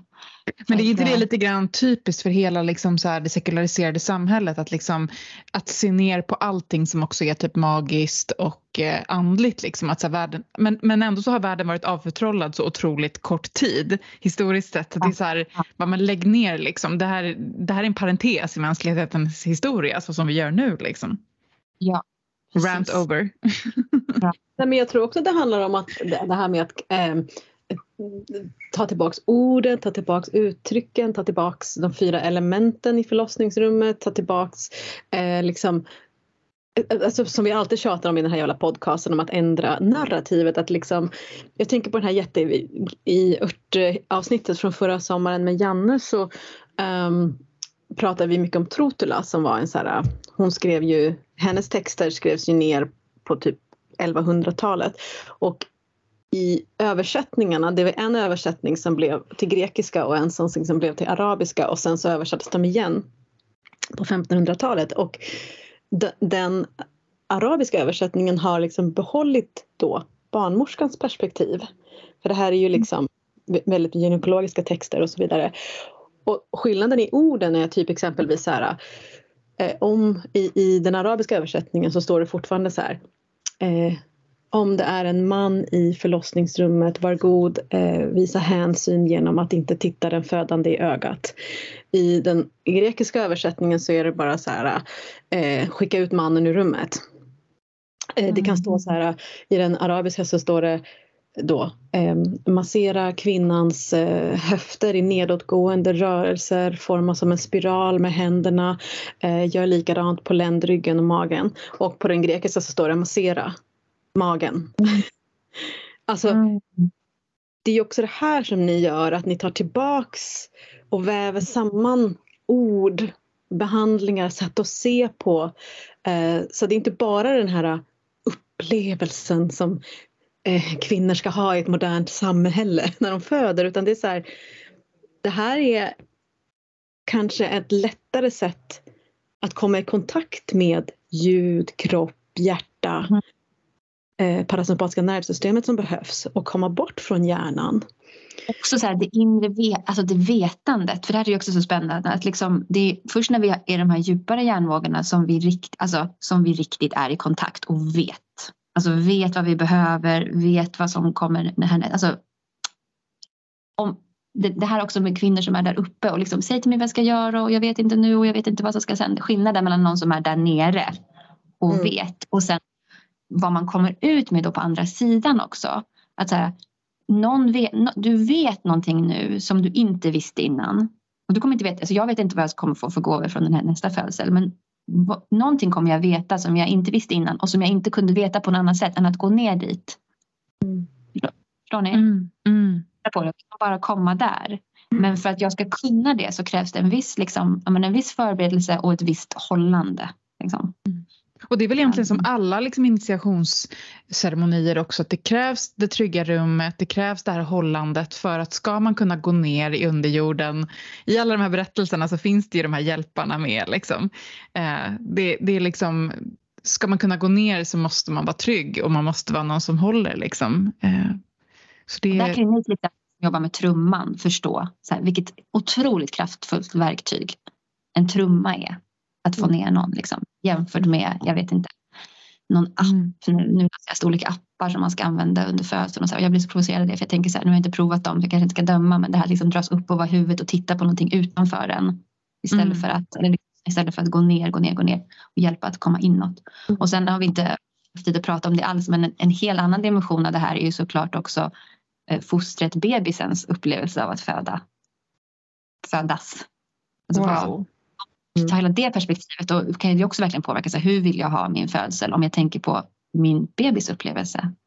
Mm. Liksom, av att komma in i världen, av att ta sitt första andetag och hur vill jag välkomna den? Hur vill jag liksom, att den ska få göra i sin egen takt? Vi pratar mycket om att låta kvinnan föda i sin egen takt men också bebisen att födas. Bebisen föder sig själv liksom också. Det är ett otroligt intrikat liksom, samarbete mellan bebis och livmoder och kvinnans kropp och hormoner och bebisens hormoner och kvinnans och sådär. Så, det tycker jag också att vi pratar om alldeles för lite. Det är som att så här, innan förlossningen så har man fokus på bebisen och har baby shower. Eh, och sen under förlossningen så har man bara fokus på den som föder. Och sen efteråt så är det nästan ingen fokus alls på någonting. Då ska det bara lösas liksom. Eh, när det är riktigt i obalans på något sätt. Så att, alltså om man vill liksom, om någon lyssnar på det här nu och vill jag vet inte. Alltså man kan ju följa dig. Vi, vi har ju, kommer ju länka till din Instagram, livmoder och sen till din hemsida. Men, men om man liksom bara har lyssnat på det här och bara wow, det här är så intressant. Hur, hur kan jag komma in i den här världen? Vad, vad ska man vända sig då? Liksom? Ska man hänga i några olika Facebookgrupper? Ska man gå på workshops? Ska man gå en utbildning direkt? Eller vad skulle du säga? Mm. Jag vet Facebook är inte riktigt, det finns säkert men jag känner inte till. Men däremot finns det väldigt bra böcker och väldigt bra artiklar och bra poddar och bra liksom. Så att jag tänker att det kan jag bara skicka en lång referenslista som ni kan lägga upp. Så då kan man börja liksom dippa in där. Det finns hur mycket som helst fint. Uh, och jag hänvisar gärna till olika lärare som jag har gått för och sådär som verkligen har inspirerat mig. Så jag tänker börja där och sen uh, om man vill uh, ja, men om man känner att man vill bli dola så finns det ju ganska liksom, flera olika dolutbildningar i Sverige nu och den som jag håller tillsammans med Anna Bjelkefelt den heter Dola med kropp och själ och eh, den stora skillnaden är att den är eh, betydligt liksom, längre än de andra utbildningarna så att det finns mer tid att gå in i de här olika delarna och sen är det mycket mera hemuppgifter och eget arbete mellan så att mycket mm. av det här som jag tycker är så spännande behöver man också då läsa och ta del av och sådär. Um, och um, den andra alltså, utbildningen, Helgad födsel, ja, den är på paus. Ja, tyvärr. Så 2022 så startade jag tillsammans med Kristina Törner eh, och hon kommer förresten ut med en bok det här året tror jag som heter Revolution i BB-fabriken tillsammans med Maria Bengtsson Lenn och den ser jag verkligen fram emot. För det kommer vara en riktig bomb tror jag på ett sätt som behövs liksom. Mm. Eh, men eh, jag, Kristina Törner och jag startade en, en ettårs eh, årsvandring eh, som just fokuserar på de här delarna, de ceremoniella delarna kring fertilitet och födande och efter och amning och alla de här sakerna, abort och missfall och sådär. Mm. Och eh, jag, jag tyckte det var fint för när vi fick feedback från deltagarna så var det någon som hade skrivit uttryckt det som att ah, det här är en prästinnutbildning för doler. Det tyckte jag var väldigt fint för jag skulle inte riktigt um, jag skulle inte våga beskriva det så själv och jag har inte själv gått någon prästinneutbildning och jag kallar mig inte själv för prästinna men mitt arbete är ju väldigt mycket åt det hållet. Mm. Uh, men sen tyvärr Kristina flyttat tillbaka till England och just nu i livet för båda oss så funkar det inte men jag hoppas att det kommer ske igen. Mm. Men det, behovet, liksom, intresset är ganska stort så det som jag erbjuder nu är bara en tre dagars kort liksom, tre dagars kurs där vi specifikt kollar på ceremoni inför födseln och efter som en liksom, graviditetsvälsignelse och en mamma postpartum välsignelse. Så att, eh, en del liksom, teori och prat kring det här och sen så håller vi ceremoni tillsammans som ett exempel. Så det är inte så att så här gör man. För att det som är, och det här vet ju ni också, det som är så stimulerande och roligt och sådär med ceremoni att hålla och skapa är ju också det kreativa vävandet och skapandet och anpassa till liksom, den situationen och den personen man gör det för allt det här. Um, så det är inte att det är liksom en formel man ska lära sig men jag upplever ändå att en del vill men känner sig liksom osäkra och, och vill ha lite exempel och inspiration och idéer och sådär. Så den håller jag igen nu i helgen och uh, ska ju själv föda barn igen i sommar så sen blir det lite paus. Um, men En sak det som, blir sakta fler och fler som, som jobbar med de här bitarna. Jag tänkte på den här modebyn som har dykt upp. Det är väl Ja, också en slags community som börjar startas nu. Ehm, Och de kvinnorna som startade det, de gick den här helgade födelsevandrarutbildningen. Så det, det är också det här med ringa på vattnet. Gud, jag blir så, det, och det handlar inte om att jag på något sätt tar cred, utan det är bara så vackert att så här, ibland är det bara att man säger några ord till någon eller tipsar om en bok eller en podd och så träffar man någon flera år senare och sen har det blivit verkligen någonting. De har tagit det vidare.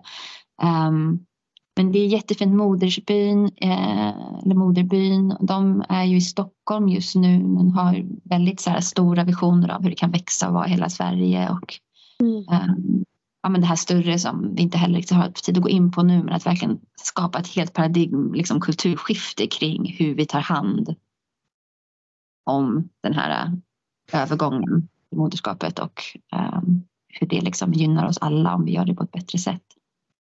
Ehm, wow. Mm, in och titta och um, ja, men jag tror att just det här att skicka mycket länkar till er är ett fint och det jag menar det finns ju.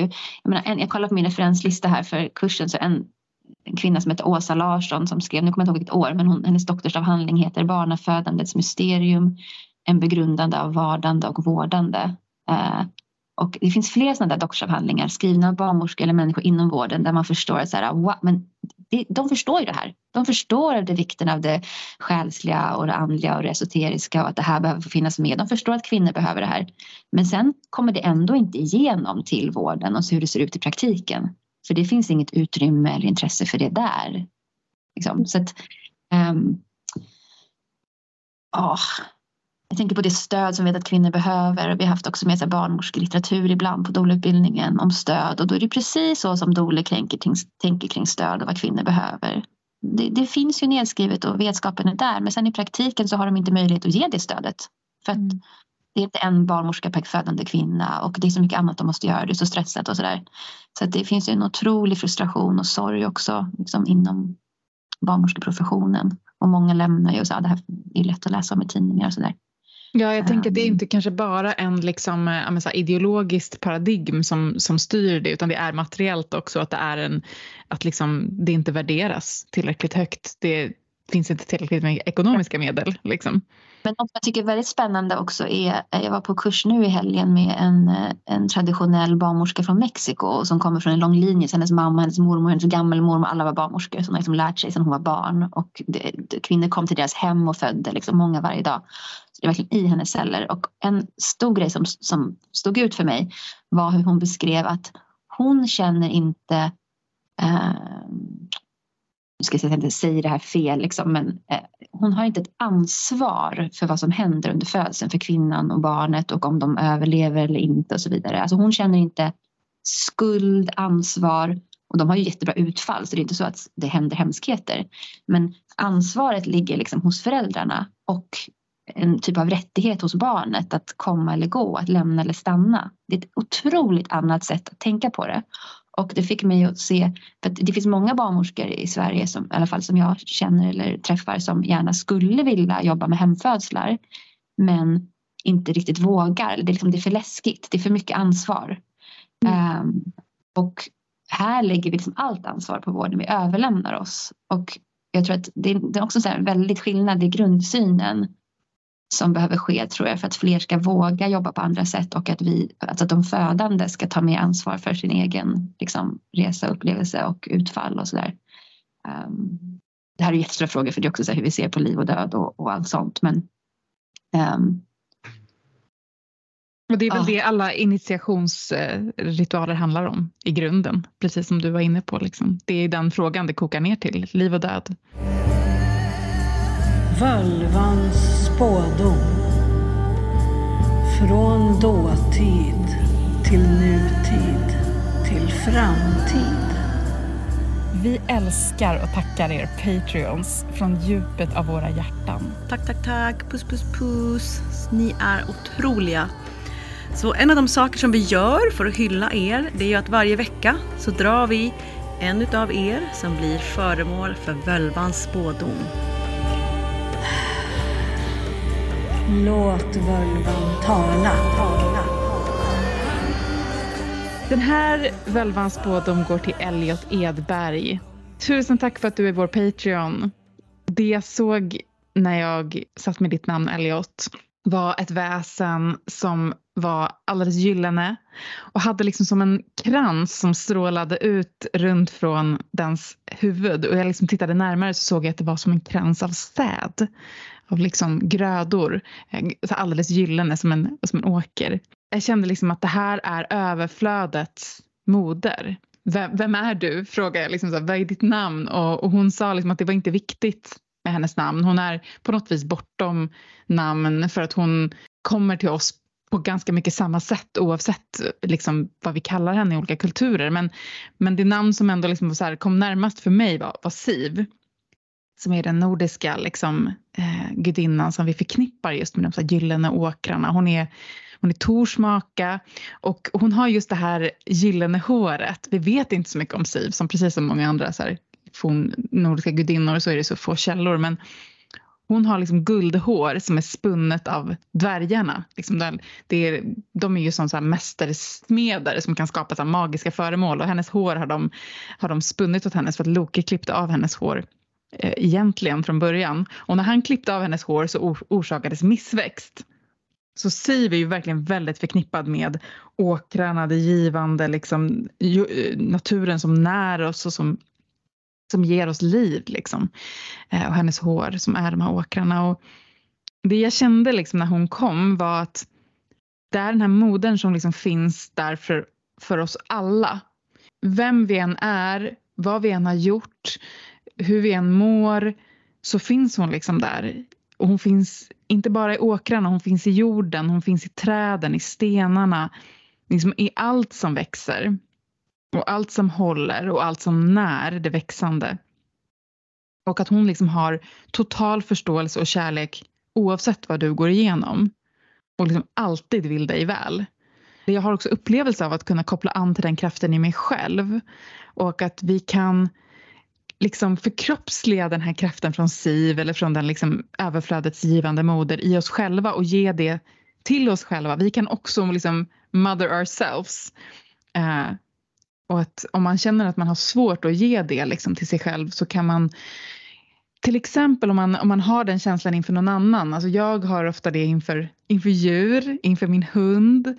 Man kanske har känslan inför ett barn. Av att verkligen bara vilja ge, beskydda, hålla helt liksom förutsättningslöst. Så kan man liksom också rikta den känslan mot sig själv. Man kan liksom vända in den också och placera sig själv i den liksom barnpositionen. Och fundera på vad, vad skulle jag vilja ge det där lilla, lilla barnet i mig själv om jag är moder åt mig själv. Kanske det hjälper att kalla in Siv för det. Kraften som kommer från en gudinna som Siv um, är ju också en kraft som kommer från en källa som aldrig sinar. Precis som modern som arketyp har kärleken för sina barn så har hon också gränssättningen, reglerna och ansvaret um, för sig själv och för sitt barn eller sina djur och att det också handlar om gränsdragningar eh, som kan behövas. Eh, så att det inte blir den självutlämnande moden, liksom Siv, som som inte orkar ta hand om sig själv eller någon annan för att man hela tiden ställer upp på villkor gjorda av andra. Eh, där man själv aldrig hade varit med och bestämde grundförutsättningarna. Så att man inte försöker fylla sin roll i en tradition eller i en kultur som man kanske inte alls egentligen tror på. Att SIV kan påminna oss om att liksom, ja men hela hennes hår blev stulet och försvann. Men eh, att hon kunde liksom med sin, sin tro eller sin kraft eller genom att vara just den hon är få tillbaks ett hår, minst lika vackert om inte vackrare. Um, så att jag tänker att det är viktigt att, att just den här kärleken också har en, en gränsdragning för en själv. Gud vad bra att du lade till det. Alltså det är ju verkligen, alla de här arketyperna har ju skuggsidor liksom. Mm. Och det är ju verkligen skuggsidan hos eh, modersarketypen i patriarkatet. Liksom. Den självutplånande och ut, utbrända jorden, liksom. uttömda jorden. Vilken bra välva för avsnittet! Ja, alltså gudinnorna kommer när de ska komma verkar det som. Har du något att säga Susanna? Ja, det bara slår mig hur, alltså just arketyper och myter och så här, hur mycket det finns att hämta där. Och liksom hur det här passade med vad man kan behöva under en graviditet eller när man har blivit förälder och sådär. Så att, um, ja, det är så rikt. Det finns så mycket att hämta där. Ja, något annat som är rikt är också det här avsnittet. Gud vad fint. Eh, jag hade ju en fråga till er också som jag har förberett. Ah, den har du suttit och hållit på. Så eh, två liksom uttryck som jag tycker ofta blir väldigt mycket samtal kring eller idéer, liksom bra utgångspunkter för diskussioner. Det ena är uttrycket eh, föd som en feminist. Det andra är föd som en gudinna. Eh, och då tänkte jag för er att jag skulle vilja lägga fram föd som en häxa och se vad det väcker er. Oj! Wow! wow. Bra fråga. För, för mig så betyder ju ordet häxa så himla, alltså varför jag verkligen gillar det ordet är ju det liminala i det ordet. Att, att häxan är den som rider på staketet. Eh, det är det ordet betyder från början och att liksom befinna sig i två världar. Och då tänker jag på det du sa liksom med medfödandet som liminalt och att det handlar om att gå in i det här förändrade medvetandetillståndet liksom, och att ta med sig kunskap från, från den världen tillbaka mm. till de andra som är kvar i, i den andra världen. Liksom. Ja, jag känner bara yes! För att födas som en feminist för mig är så här Hallå, det är lite för många feminister som är patriarkatets eh, budbärare för att jag ska kunna gå med på det. Eh, paketera upp vad man menar och så vidare såklart. Ja, med det. Och sen eh, född som en gudinna känns alldeles för konstigt för mig för att jag är inte en gudinna, jag är en människa. Men född som en häxa, för mig då går jag igång på det och det har väl, har väl att göra med exakt det som Eldin säger att, att, att jag kan relatera till just det, den här gräns gränsvarelsen. Men det som jag tyckte var, det som jag tycker är kul med uttrycket är att det känns totalt fritt precis som ordet häxa, att jag helt plötsligt får känslan av att så här, ja, då är det på mina villkor om jag får födas som en häxa. Så väcker mm. det, det, det, det är det som det uttrycket väcker i mig. Det känns som att man skulle kunna göra det där skriket som, ni, som du pratade om. Ja.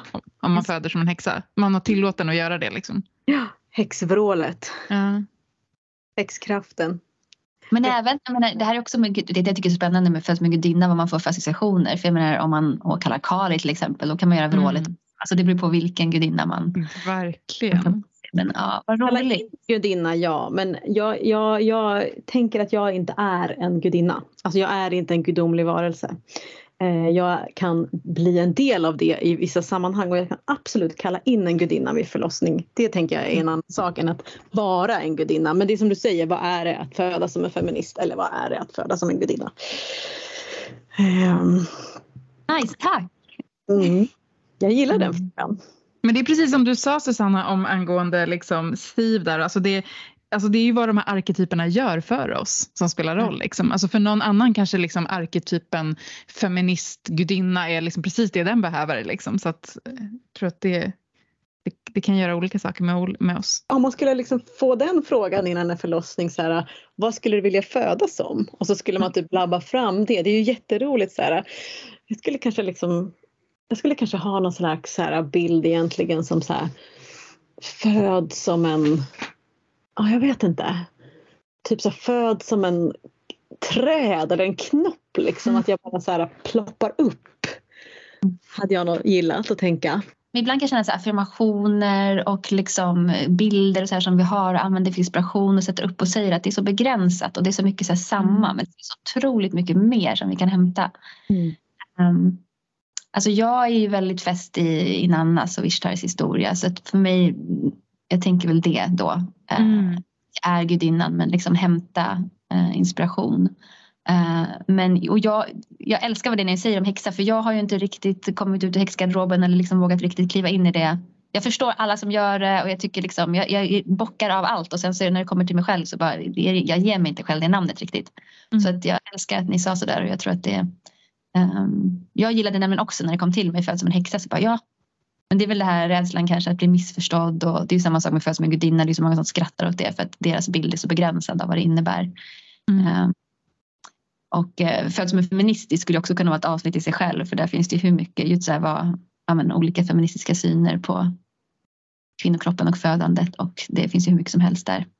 Men det finns en väldigt bra bok som jag lägger till i listan som heter Give birth like a feminist av Millie Hill och den kan jag verkligen rekommendera gravida att läsa. Mm. Gud vilken show notes vi kommer ha på det här avsnittet.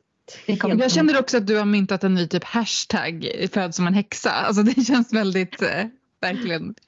Det kanske ska bli en bok. Det här, för då kan man också prata om vad innebär det och liksom, det är det som också är fint när begrepp rymmer mycket. Att det kommer upp mycket känslor och tankar.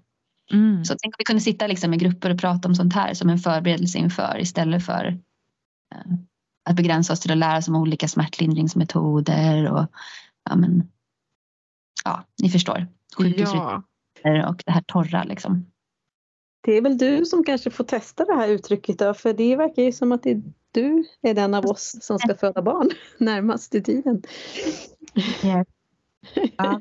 Jag berätta om det sen då. Ja, mm. gör det. Eh, tusen tack Susanna för att du ville vara med i Förmödrars makt. Det här var jätte, jätte, jättefint avsnitt. Alltså jag har lärt mig mer än vad jag tror jag lärt mig av någon annan gäst för att jag var en total rookie på ämnet och nu känner jag bara så här wow, gud vilken otrolig crash course du gav mig till det här. Åh vad roligt. Tack Elin. Jag är jätteglad att bli tillfrågad. Puss puss då. Hej då eller? Hej då. Ja. Hej då.